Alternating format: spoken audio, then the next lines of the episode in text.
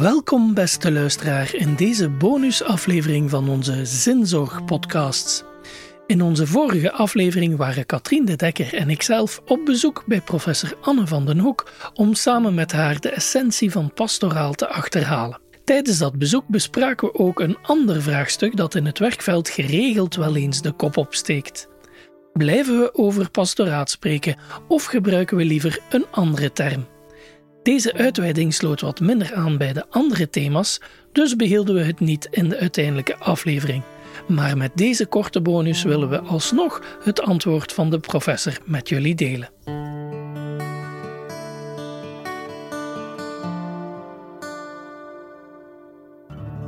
Hoe kijkt jij naar het gebruik van het woord pastoraal? Uh, en misschien moeten we dat wat toelichten. Hè? Katrien, uh, je hebt ooit een keer iets gehoord dat ons tot die vraag wat prikkelde. Ja. We, we, we hebben opgemerkt dat elke context anders is. En in sommige scholen wordt dat woord pastoraal echt niet meer gebruikt, omdat het besmet zou zijn. Dus zij kiezen er echt voor, nee, wij gaan het woord pastoraal, dat nemen wij niet meer in de mond. Terwijl op andere scholen dat wel nog gebruikt wordt. Dus daar zijn eigenlijk heel wat discussies over, over die naam.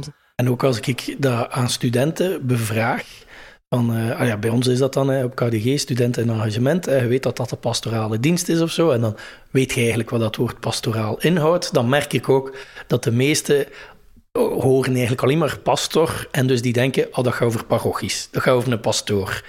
En die, die hebben zelfs ook daar geen inhoud bij mijn 18, 19-jarige studenten. En dus, ja, het is nu ook niet ik weet wat dat de geschiedenis is, maar wil ik nu per se het, het idee parochie oproepen met zo'n dienst pastoraal? Ja, dat misschien ook niet. Maar dus uh, we zijn heel erg benieuwd wat dat uw standpunt daar uh, rond is. Uh, voor mij is de inhoud heel belangrijk. Hè? Dus um, waarvoor sta je als je het woord pastoraat gebruikt? En als er scholen zijn die kiezen om niet meer het woord pastoraat in uh, de mond te nemen, dan stel ik mij altijd de vraag van waar komt dat? Is het omdat diegenen die ermee bezig zijn zich daar ongemakkelijk bij voelen? Of is het omwille van de associaties die het bij de studenten oproept?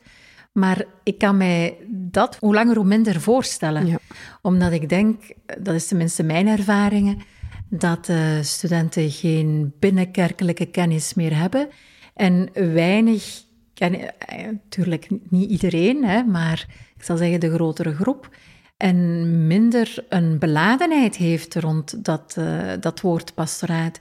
Dus gaat het er mij vooral om, hoe stel je dat voor? En welke inhoud breng je naar, naar voren? Want ik kan mij niet voorstellen dat wat jullie aanbrengen het woord parochie oproept.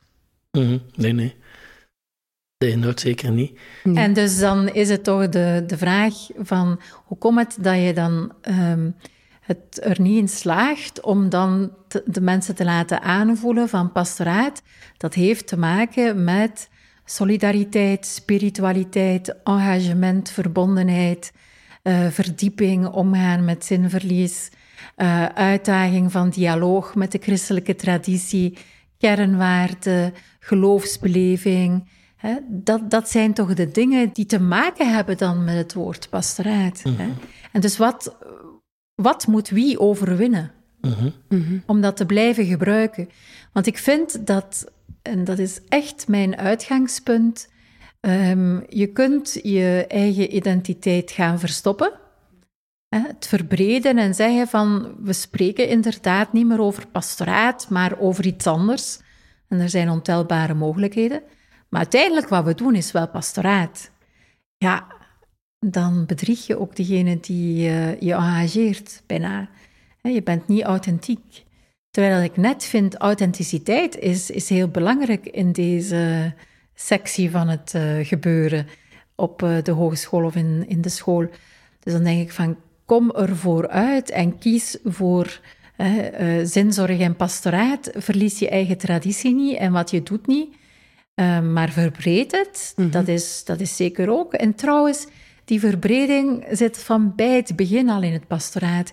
Als ik kijk naar mijn eigen praktijk in de zorg, ik ben nooit alleen gegaan naar mensen die op zondag communie vroegen in het ziekenhuis. Ik ben gegaan naar iedereen Mhm. die het moeilijk had, wat voor levensbeschouwing ze ook hadden.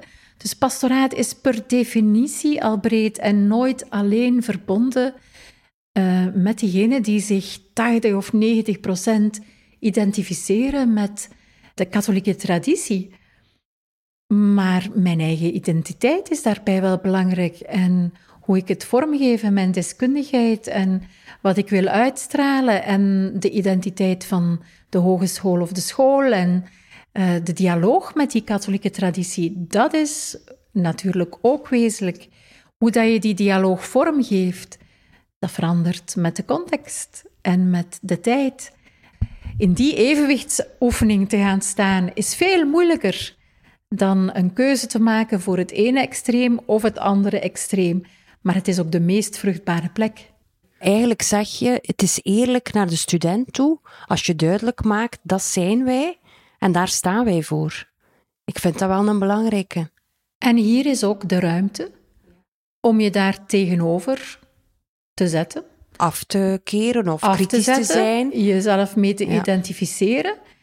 Maar wij zitten hier met duizend jaren van wijsheid, van vallen en opstaan, in spiritualiteit, in proberen vorm te geven aan een betere wereld.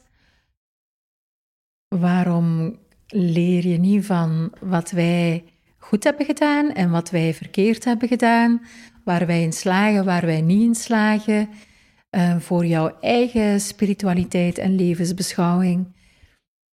Maar daarvoor moet je zelf ook sterk in je schoenen staan. hè. Ik denk, mijn ervaring is, daar waar deskundigheid ontbreekt, zal men heel vlug de naam pastoraat laten vallen. Dat is niet altijd de enige reden en ik wil dat ook respecteren.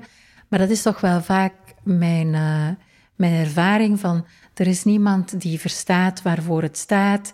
Er is niemand die deskundiger in is.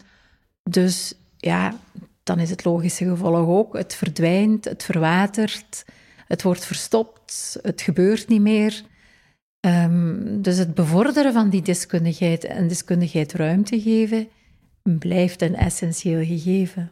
Maar een argument dat ook vaak gegeven wordt is, wij willen dat iedereen van gelijk welke levensbeschouwing zich welkom voelt. Dus wij kiezen niet meer voor die naam.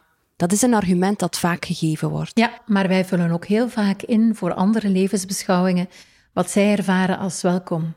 Ik heb nog nooit op bezoek geweest bij een moslim die zijn eigen identiteit verstopt om mij welkom te doen voelen. Nee. Klopt. En voor vele mensen is dat, dat net het charmante aan de ontmoeting met een moslim. Die authenticiteit. De authenticiteit. Ik ben moslim, dit is hoe wij de dingen doen. Welkom, jij bent mijn gast. Welkom.